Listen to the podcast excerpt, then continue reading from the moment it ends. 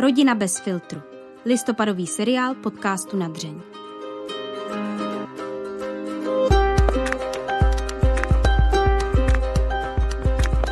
Vítám vás u druhé části rozhovoru o nevěře. Dobrý poslech přeje Marie Moreno. Člověk se možná s nás dokáže vžít do situace nebo do bolesti toho podvedeného. Jak jste se ale cítila vy vlastně po tom, po tom odhalení vůči manželovi, vůči dětem, vůči všem? My jsme právě prožívali takový strašný paradox. Manžel o tom teďka mluvil, že vlastně, když se na to přišlo, tak on dostal šok. Ale já vlastně po těch měsících té temnoty, to bylo úplně absurdní. A já jsem měla strašnou radost. Já jsem měla strašnou radost z toho, že to skončí. Že konečně, i když hříšnice prostě Máří Magdaléna v úzovkách úplně na dně, tak konečně je konec. Jo. To bylo, my jsme byli opravdu jak dva blázni. Jeden byl v traumatu úplně vyšinutý, to byl manžel, a já jsem byla prostě šťastná. My, když jsme vlastně přišli na tu první hodinu k tomu našemu psychoterapeutovi, nevím, co si o nás myslel, ale asi na nás docela hleděl, protože vlastně my jsme byli úplně vyšinutí, oba dva. Každý úplně jinak, ale vlastně oba jsme jaký poloviční blázni. Jeden skoro na hranici vraždy, druhý prostě na hranici radosti z toho, že skončilo týrání nebo prostě nějakým způsobem něco, prostě závislost, nějaká prostě fakt jako těžká závislost, ze které nejste schopná se prostě sama dostat. U mě teda naštěstí jako ta doba toho pomílení, to bylo vlastně několik hodin, kdy vlastně já jsem pak si uvědomila, že jsem úplně mimo a že opravdu to, co se stalo, je velký problém, omyl, chyba a musí se to okamžitě napravit. Takže vlastně jsem, jsme se velmi rychle jako s manželem zase semkli a začali jsme to opravdu intenzivně řešit.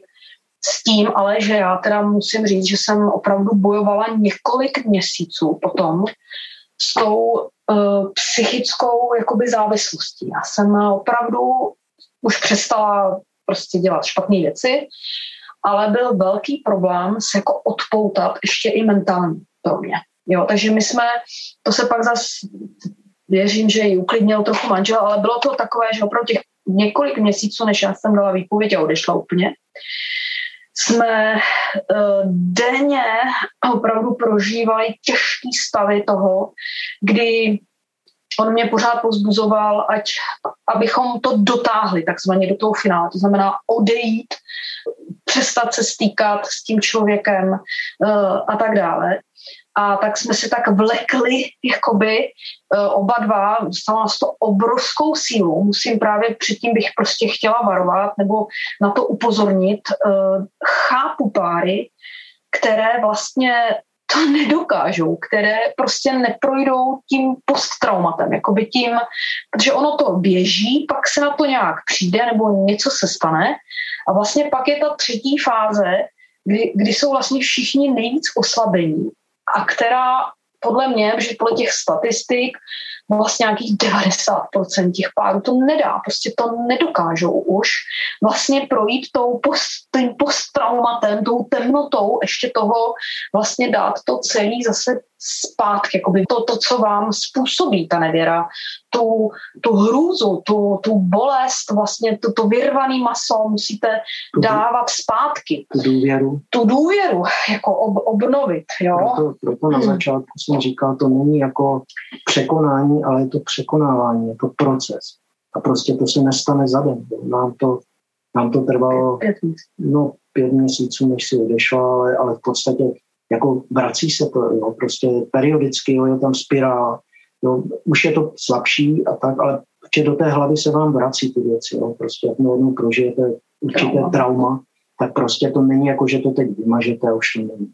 Jo, to znamená, že, že stokrát si řeknete to, co, jo, prostě pořád si dokola říkáte to, co už jste si stokrát, stokrát řekli.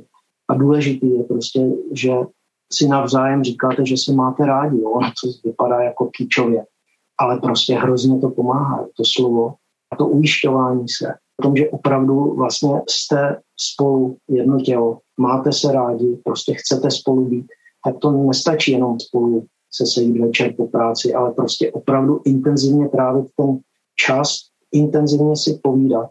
A já nevím, jo, jiné páry to můžou mít jinak, ale eh, my jsme třeba si řekli, dobře, my tu pravdu chceme vědět, ať jakákoliv, bavíme se o ní a, a když ji budeme vědět, tak bojujeme s ní. A musím říct, my jsme to vždycky připomínali, eh, si to připodobňovali k pánu prstenu, jak tam ten Frodo s tím samým nesou ten prsten a chtějí ho hodit eh, někde tomu Sauronovi, tak tady to bylo podobné, že chvíli vlekl ten jeden toho druhého a pak zase ten první, to, to prostě, že to bylo takové, že prostě jdete a je to hrozně těžké, ale prostě mentálně se neustále a neustále a tisíckrát a sto tisíckrát prostě ujišťujete, je to dobrý, jste na dobré cestě, jo, dáme to. Jo. Určitě jsme odedřeli doslova a do písmene obrovský kus práce, ale částečně i cítím, že to je určitý dar. Dar i nějaké milosti z hůry. Já musím říct, vrátím se k té svátosti manželství. Já jsem velmi věřící, aktivní, trošku bych řekla možná liberálnější, nevím, jako nejsem úplně z tradiční rodiny, ale osobní víru mám naprosto silnou. Musím říct, že mě i držela v dobách toho největšího temnoty. Ani tehdy jsem se nepřestala modlit, jenom jsem pak už opakovala, pane Bože, pro Boha, co se to děje, co jsem to provedla.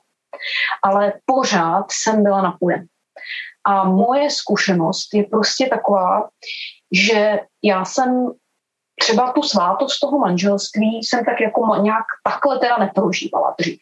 Jo, jako já jsem to tak měla, ano, jsme spolu, nikdy jsme si nevěrní nebyli, měli jsme k sobě obrovskou důvěru, svobodu manžel, cestoval, já jsem byla sama doma s dětma, nikdy v životě se prostě nic nestalo.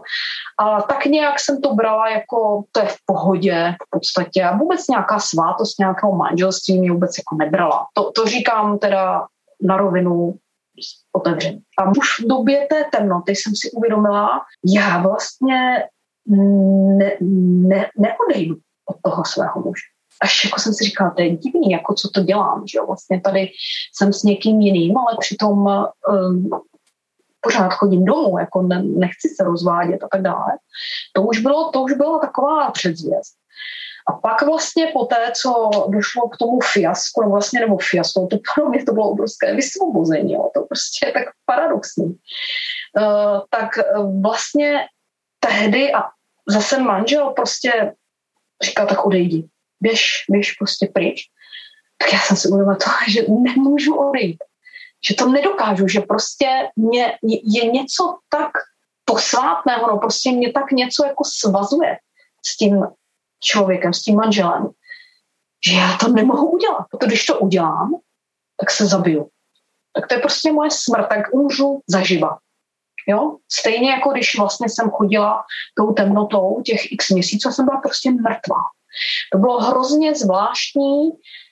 Uh, nikdy předtím jsem to jako nezažila a doufám, že už to nikdy nezažiju, takhle extrémně, ale v podstatě já jsem pochopila, že, že to není jenom moje, že to není jenom nějaká moje prostě volba nebo něco, ale že, to, že tady jde o víc, že tady jde, samozřejmě ono to má destruktivní třeba pak následky i na děti, na rodiče, na přátele, jo? Když, když se to manželství trhá, to, je peklo. A já jsem si prostě uvědomila, že to je tak svatý, že to prostě nemohu udělat. A ta svátost, to prostě opravdu jakoby fyzicky to člověk cítil, že nemůže ze sebe vyrvat prostě něco, co k němu patří. Vy jako její manžel jste viděl hned od začátku, že, že chcete ten vztah udržet? Ne. E, ten první den já jsem nevěděl, na čem jsem, protože tam padaly i takové názory, no tak já říkám, tak chceš být se mnou nebo s ním?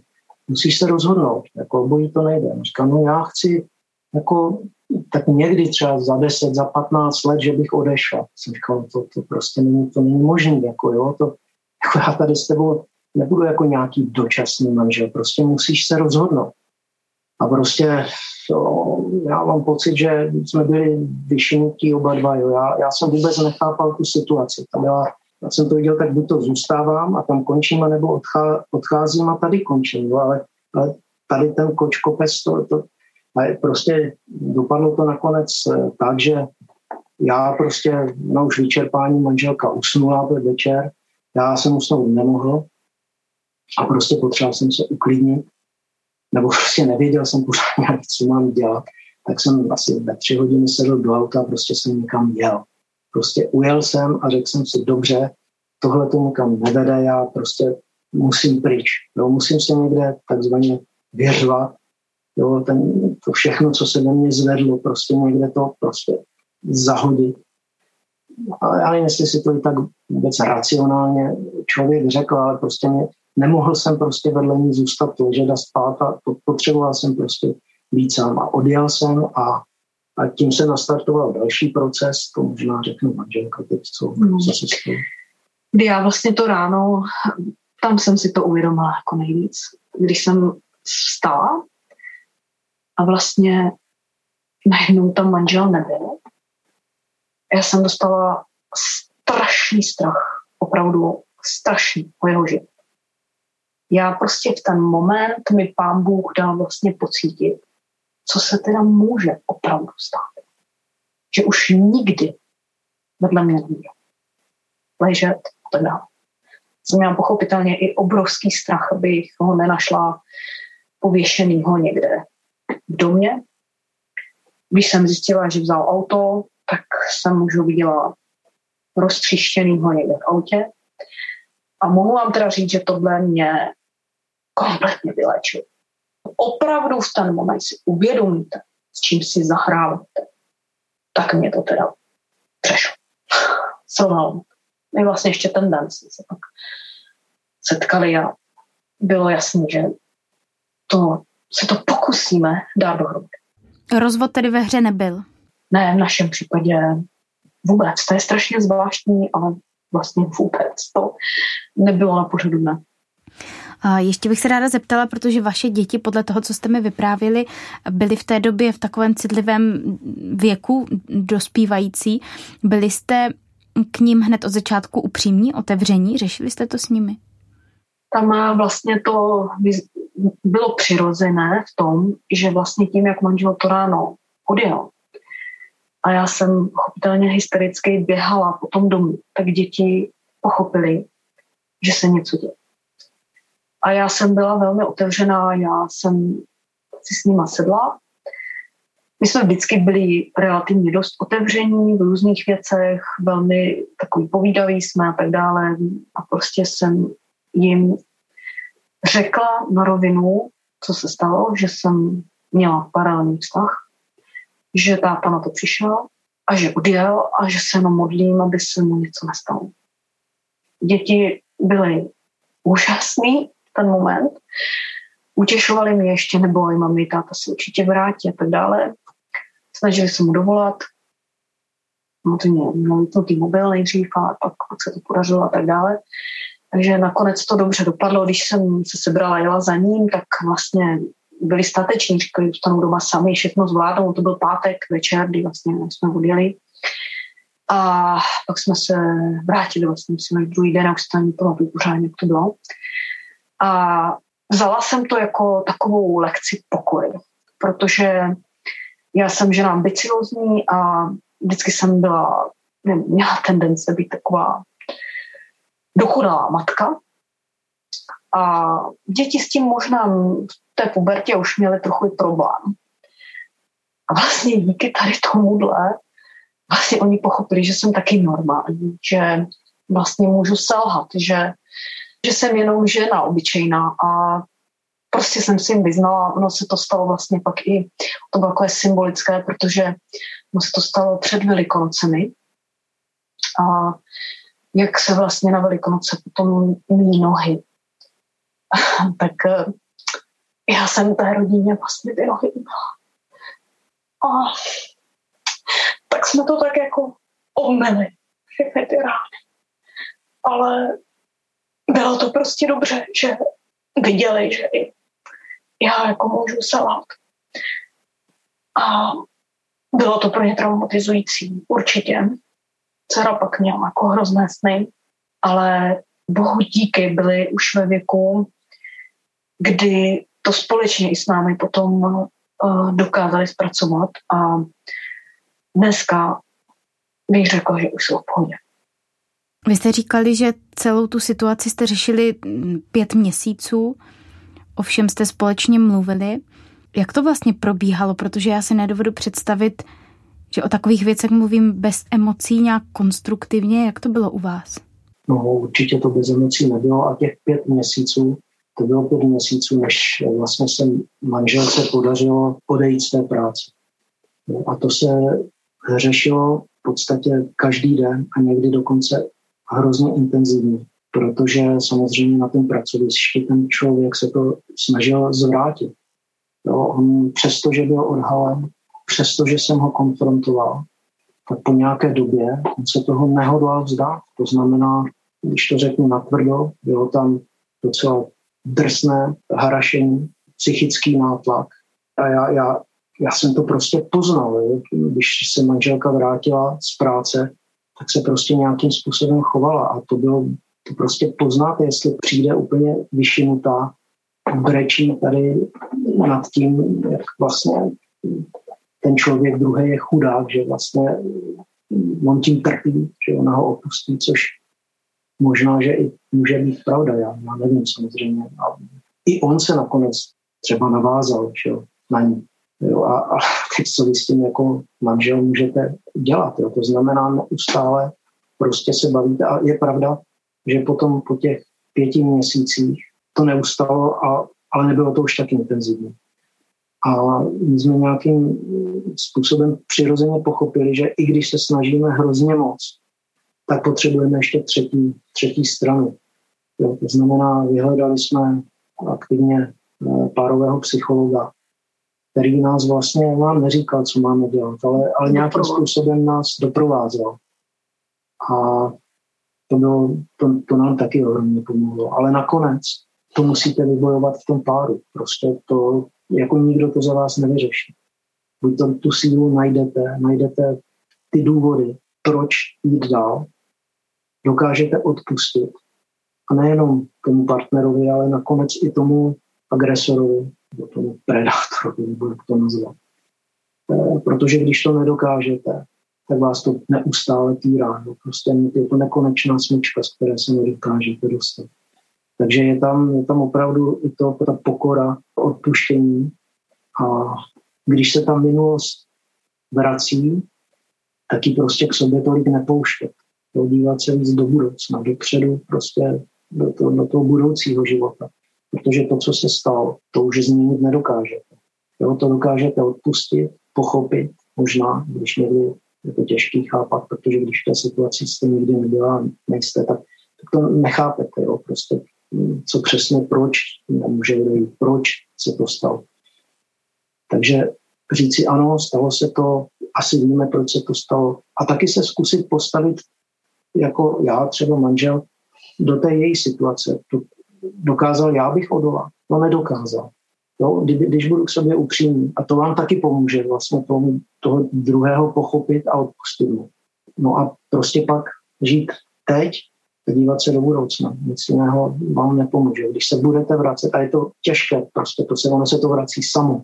Není jako, že vy se vracíte, no vám to do té hlavy vleze, zvlášť když ten partner s váma zrovna není, když se o tom nemůžete promluvit, prostě jste v práci nebo eh, prostě nejste fyzicky spolu, tak, tak ta myšlenka plíživá prostě se vám tam pořád snaží nějakým způsobem do té hlavy dostat a si musíte říct ne, už pryč, takhle já teď uvažovat nechci a nebudu. Vy jste zmínili, že jste vyhledali pomoc psychologa. Řešili jste to nějak i na úrovni toho, že jste věřící, že třeba vás doprovázel nějaký kněz, nebo měli jste podporu společenství, farností, něco takového? My jsme měli obrovské štěstí, že ten párový psychoterapeut je shodou okolností i kněz. takže a velmi zkušený jako párový psycholog, terapeut. Takže to bylo úžasné. Na druhou stranu musím říct, že já jsem sama byla mm, překvapená, že on nám jako neradil. Člověk tak jako chtěl jako slyšet, co má co teda dělat. dělat, nebo jak to má to. A on, on asi je to profesionální, nebo evidentně to bylo dobře, protože nás tím provedl úplně excelentně, ale on nám opravdu spíš kladl otázky, uh, hodně mě pomohl. Mě, ma- manžel byl docela v pohodě, ale já jsem musela opravdu se vymotat z takové závislosti zvláštní. On mi hodně pomohl, protože mě vlastně dával zpětnou vazbu zrcadlo mi nastavoval, jo, kdy já jsem pochopila i některé věci z dětství, že třeba mám dodnes s tím problém říci ne. Takže tam jsme otev, opravdu otevřeli i celou řadu takových hm, třináctých komnat. My jsme měli vlastně každý 14 dní termín a i tak jsme jako si zavázali mezi sebou, že, že tam půjdeme a, a, a zase budeme kousek dál že zase z toho kousek jako vylezeme z té hrůzy, ale bylo to teda extrémně těžké a myslím si, že to, to není možné bez pomoci. Skoro. To byl kněz, ale vlastně ta pomoc byla opravdu psychologická, to znamená, úplně jsme vynechávali duchovní témata, prostě to bylo opravdu pro, pomoc profesionálního psychologa, přestože je kněz. Ale samozřejmě, já když jsem odjel, ten vlastně to ráno, kdy vlastně po té, co jsem to zjistil, jsem nejdřív někde běhal po lesích a řval jsem tam jak zvíře. Ale potom samozřejmě eh, jsem zašel vlastně za naším společným přítelem, který je kněz. Prostě potřeboval jsem se vymluvit. No, takže ten první moment nám, eh, nebo mě, ale i nám, protože potom jsme vlastně večer tam měli spolu, Eh, tak, tak pomohl on a to byla taková jakoby jednorázová, jakoby řekněme pomoc, nebylo to jakoby dlouhodobý terapeutický proces. A potom ještě, ještě další vlastně eh, kněží, na které jsme se obrátili a který, kteří nám byli obrovskou podporou tím, jenom, že vlastně se za nás modlili, ač většina z nich vlastně vůbec nevěděla, o co jde, jenom věděli, že je velký průser. Ale je pravda, a to jako je potřeba říct, že moc lidí to neví. Je pravda, že my jsme vlastně se svěřili dvěma knížím, pak tomu terapeutovi, který je kněz. Modlilo se za nás to řeholní společenství jednou, ale oni nás neznají jako um, osobně. Věděli to děti a vlastně pak uh, se to dozvěděli teda ještě moji rodiče, protože ti takovým zvláštním, intuitivním způsobem můj otec, do kterého bych to v životě neřekla, to prostě poznal. Takže jsme se vlastně i jim jsme to vysvětlili a oni nám byli také velkou oporou. Ale vlastně tím to končí. Obrátím se teď k vašemu manželovi. Odpustil jste svoji ženě? Odpustil. Odpustil jsem mi v podstatě ten den, kdy za mnou přijela tam do těch lesů a když jsme začali konečně zase fungovat, jako jsme těch 23 let fungovali, kdy prostě jsme vždycky byli spolu, takže jsme spolu hodně komunikovali. Já, jako my jsme opravdu hodně povídali. Jo. Vždycky jsme probídali všechno možné. Takže konečně jsme se zase dokázali poměrně rychle. Vlastně i ten eh, kněz, ke kterému já jsem šel ráno, když jsem se teda vynořil z těch lesů, a vlastně ještě večer dojeli i s manželkou už vlastně usmíření. No, protože já jsem tu situaci nějak pochopil a, a navíc eh, jsem jako oni stál prostě, já, já jsem měl vždycky rád, jako jo, já jsem ani nechtěl přijít, já jsem, můžu říct, jsem vlastně těch pět měsíců jsem o ní bojoval, jako jo, prostě protože ten druhý vlastně to taky nechtěl znát. Já bych tady na tohle možná ještě navázala. Já musím říct, já jsem opravdu nikdy lidově řečeno chlapy nehonila, neměla jsem prostě zkušenosti eh, nikdy jsem ani nebyla nějaká extrémně žádaná jako žena. Ale musím říct, že opravdu chci varovat jako ženy, jak je v písmu někde psáno jako jeruzalémské dcery, neprobouzejte lásku, pokud nechci jít sama. tak opravdu bych chtěla jako varovat před tím lehkovážně si zahrávat vlastně s těmi emocemi těch mužů. Uh, myslím si, že i já jako žena jsem byla vlastně zděšená z toho, co se dělo, jak vlastně kvůli způsobem pro nás ženy v úzovkách takové, takové jakoby trivialitě, když ona to teda samozřejmě žádná trivialita není, jak ty muži, jak oni jsou schopní se třeba zabít, jak oni jsou scho- a, a děje se to. Prostě ty, ty zločiny zvážně z různých, toto prostě to není jako jenom ve filmu, to, to se může stát reálně. Opravdu ne nadarmo to stojí na tom místě po nezabiješ. Je to opravdu nebezpečná věc a i já jsem byla v šoku z toho, co se dělo, co se dělo se mnou, co se dělo s manželem, co se dělo s tím druhým mužem, uh, jaké vášně uh, se odpoutají, ale jako ne, ne pěkné vášně, to jsou prostě vášně, kde jde o život. A opravdu musím říct, že jsem uh, ráda, že to je dneska za námi. A přála bych prostě všem, kdo tohle budou slyšet, pokud uh, jsou v tom pokušení, anebo mají pocit, že to u nich doma stojí s odpuštěním za prd, že jsou špatně na tom, že ten vztah uh, uvadá, je prázdný, nebaví je to, je tam nuda, lezou si na nervy, aby se jich to dotklo, aby si uvědomili, co mají doma aby to ještě jednou přehodnotili, aby s boží pomocí se pokusili to rozkřesat znovu. Pokud třeba ujeli, tak aby se nebáli s boží pomocí to zkusili napravit, nějakým způsobem se z toho dostat ven a hodně se modlili, protože mě pán Bůh vyslyšel.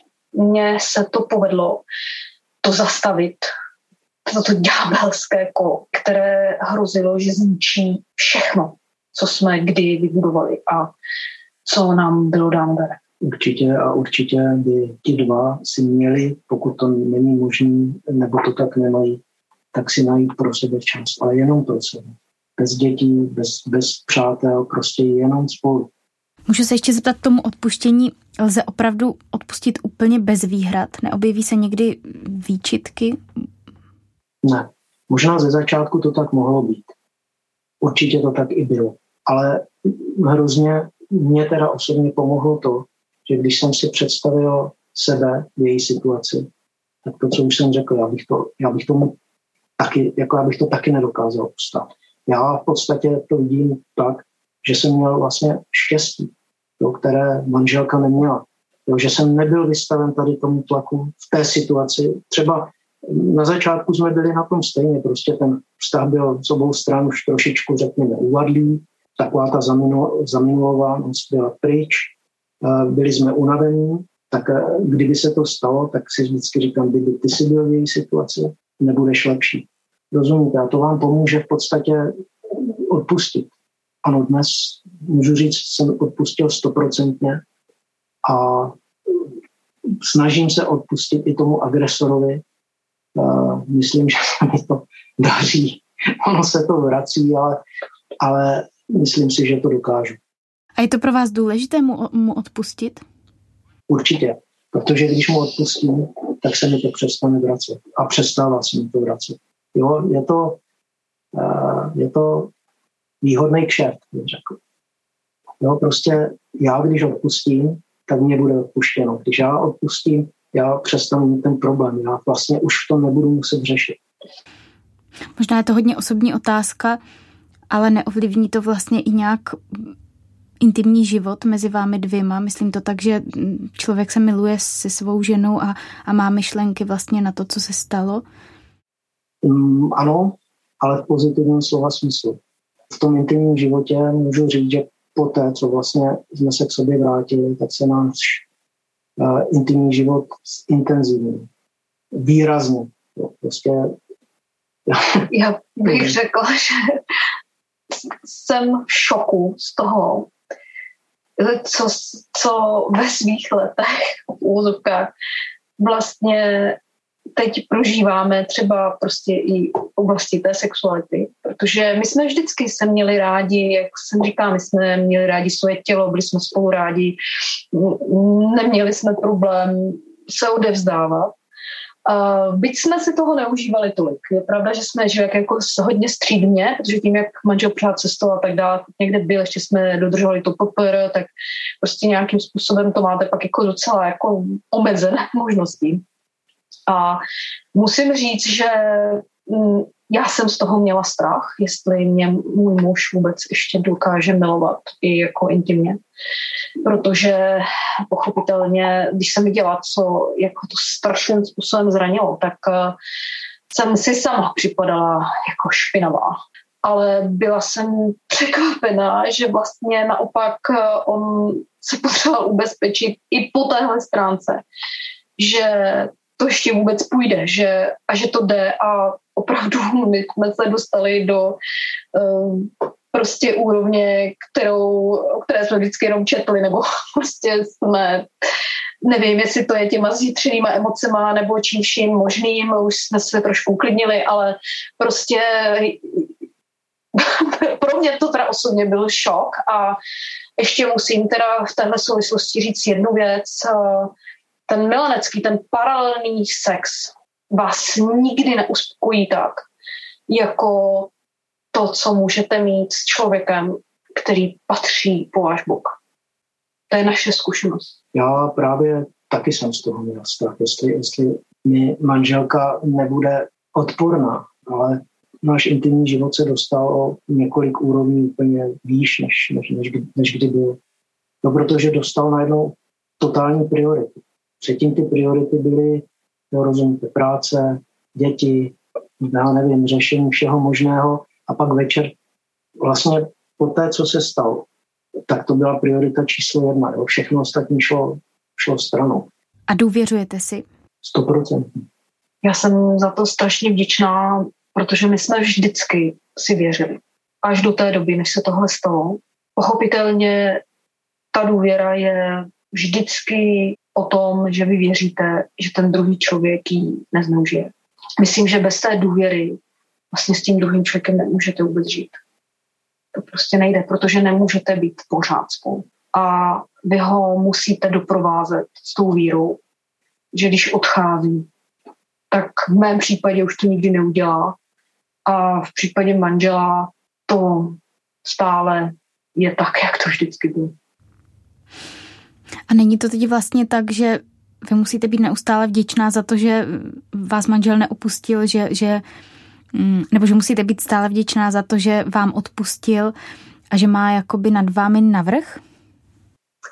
Musím říct, že jsem ráda, že se na tohle ptáte, protože já sama vím jednu věc, že kdybych se vrátila z povinnosti, jenom prostě proto, že jsme měli svatbu v kostele, protože máme společné děti, protože máme společné majetky, protože máme společné rodiny a co by řekli sousedi a farnost a já nevím kdo, tak vám řeknu na rovinu, to by nešlo.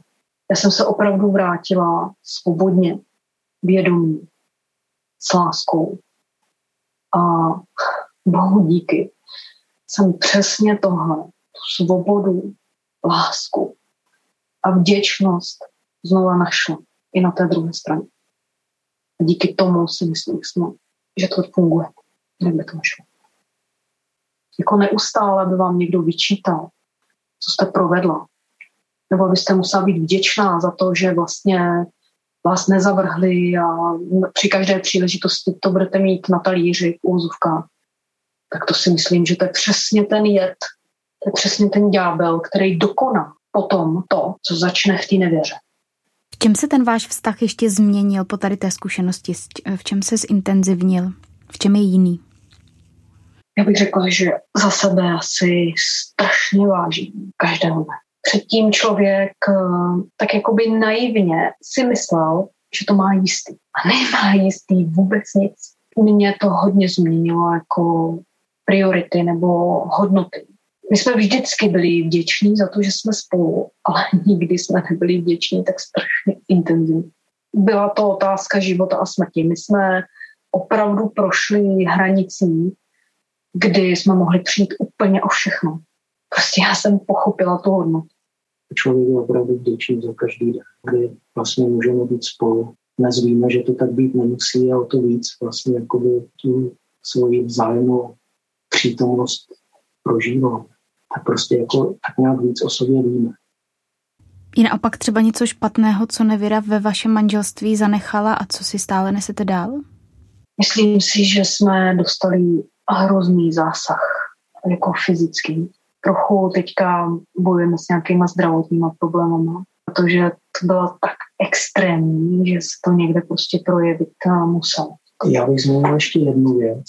A možná to, jak nás to hrozně semklo, tak nám to trochu vyčítají děti, jo, přestože už jsou teenageři, že jsme pořád spolu a, a, a jako méně se jim věnujeme než dřív.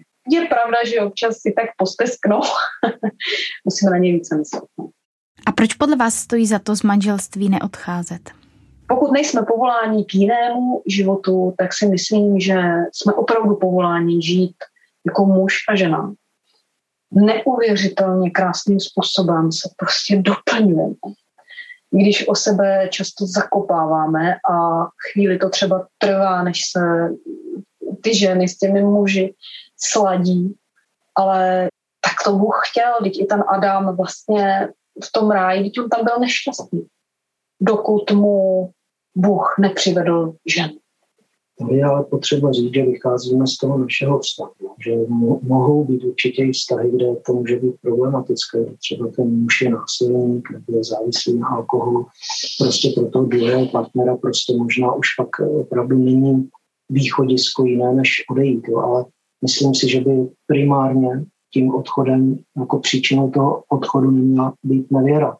Jo, prostě to, to, to je špatně. To je škoda. To je škoda. Jo? To, jestli, jestli prostě v tom partnerském vztahu jsou opravdu takhle závažné eh, problémy, které se nedají eh, vyřešit dobře, tak já bych chápal, že ten druhý prostě odejde. Ale jako pokud je to tak, že se ten vztah je víceméně normální, jo, není tam nic patologického, občas nějaká hloupost, tak uh, nikdo nemá právo se do toho nabourávat a oblákávat či manžela nebo manželku pryč. Jo. To prostě nic lepšího stejně nikde asi nikde nenajdete. Zase bude nějaký člověk, který něčem bude lepší, třeba bude nosit kytky, ale zase třeba nebude chodit do hory. Z největší pravděpodobností uh, to nebude cesta za lepší. Už jsme o tom mluvili, že 90% párů, kteří si projdou tady tou podobnou zkušeností, to vlastně nedají, nezvládnou. Jak to, že vy jste to dokázali? Já tam vidím asi tři roviny. Jedna, jedna je ta, že člověk nemůže žít, nebo aspoň tak to mám já, myslím, že to, to má i manžel, nemůže žít dlouhodobě v Belži. Prostě potřebujete žít v pravdě. Pravda vás osvobodí. Už i to je psáno v písmu a opravdu ta pravda je neuvěřitelně důležitá. My jsme se nemohli prostě rozejít to, co se dělo, mě utvrdilo v tom, že pravdivé bylo to zkusit dát pořádku. Druhá věc si myslím, že jsme si to teda odedřeli. My jsme denně, každý ráno, znovu a znovu těch pět měsíců, prostě se pozbuzovali, jdeme do toho, pojďme do toho. A stojí to za to. Stojí to za to. A třetí věc byla, že opravdu měli jsme podporu. Já jsem strašně pocitovala takovou jako boží přítomnost, nebo prostě tím, že člověk prosil, volal k tomu Bohu, pro Boha pomož nám, protože tohle, z tohohle se nedostaneme sami. Tohle je tak strašně náročný, že to prostě nedáme sami. A to vlastně ten pán Bůh, já tu životní zkušenost prostě mám, že jo, ono to může vypadat třeba i z lidského pohledu, že se všechno hroutí, že to stojí za nic, že to nefunguje a já nevím co no, a nemá to cenu. Ale prostě, když člověk um, bojuje o to a prostě si uvědomí, že, že to vlastně nechce ztratit, i když třeba s tím druhým člověkem může mít taky nějaký prostě samozřejmě pochopitelně nějaký jiný zážitky a tak dále. Tak si prostě myslím, že ten pán Bůh mu požehná. Jako díky tomu, díky těmhle třem věcem, prostě ta pravda, pak ta práce, prostě, a pak to požehnání. Díky tomu jsme to zvládli. Mám ještě úplně poslední otázku, kterou podobně pokládáme všem našim hostům. Když vy si představíte sami sebe v den uh, vaší svatby, před uh, těmi zhruba 25 lety, tak uh, jakou radu byste si teď každý sám sobě do toho manželství dali s tím vším, co teď víte, po tom všem, co jste si už prožili? První věc, co bych asi řekl já, dejte si pozor v kritické období, což je třeba tak nějak po těch 40 letech jako věku, to znamená třeba 20 letech manželství, přijde krize, nebo může přijít krize. To je, je, je to pravděpodobné, protože prostě ten vztah, jo, prostě tak jako v práci se za nějakou dobu unavíte, tak i v tom vztahu prostě se trošičku unavíte a prostě přijde to a přijde to ke každým. Tak si prostě říct, ha, je mi 40 plus, teď si musím dávat pozor, teď si musím dávat bacha a musím prostě se víc věnovat tomu druhému. Prostě, I když to tak nevypadá, i když si myslím, že je to samozřejmě. Druhá věc, když ti dva do toho spolu jdou a vemou se, nebo berou se, tak říct, stoprocentní jistotu nemáš. Nikdo z nich. Jo, prostě může se najít taková konstelace, že ten jeden nebo druhý to nedá, ujede. Může se to stát. Prostě říci, ano, může se to stát a říci, co v takovém případě budu dělat. Samozřejmě budu se snažit, je ten můj bod číslo jedna, tomu předcházet. Ale když to prostě z nějakého důvodu nedopadne, tak nebýt z toho překvapený, protože to opravdu potom může vyvolat takové vášně, že to může být fatální. No, to znamená být připravený i na to, že stoprocentní jistotu v tom druhém partnerovi nikdy nemáte. Prostě je to třeba nad jeho síly, může se stát cokoliv. Ono se taky může stát, že třeba umře. Jo. Aby to toho, kdo je postavený do té pozice traumatické, tak aby to dokázal nějak překonat, aby to dokázal zvládnout. A potom, jak eh, říkal jeden z těch tří kněží, říkal, puste tam toho ze zhora. No prostě sami to nedáte, prostě nedáte. Ještě jsem si tady poznamenala pozor, neznáš sám sebe, nebo sám sebe, můžeš ještě hodně překvapit. To je jedna věc. Pak druhá věc, nikdy nestrácej naději. I při nejhlubším pádu měj naději, že to lze nějak vyřešit. A třetí věc je ta, to, o čem jsem také hovořila, to je modli se. Modli se v každé situaci, právě v těch nejtěžších situacích, kdy se stydíš se i modlit, tak se modli.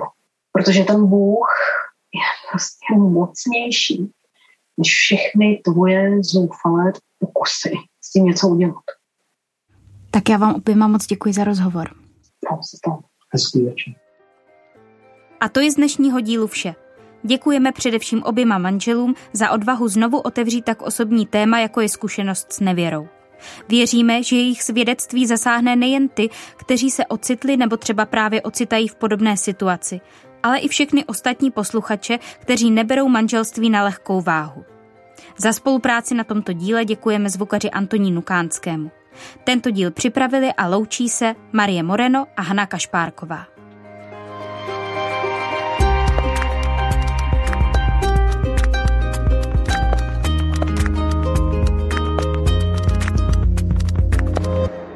Podcast Nadřeň vzniká na Radiu Proglas, které žije z darů posluchačů. Pokud nás chcete podpořit, budeme rádi.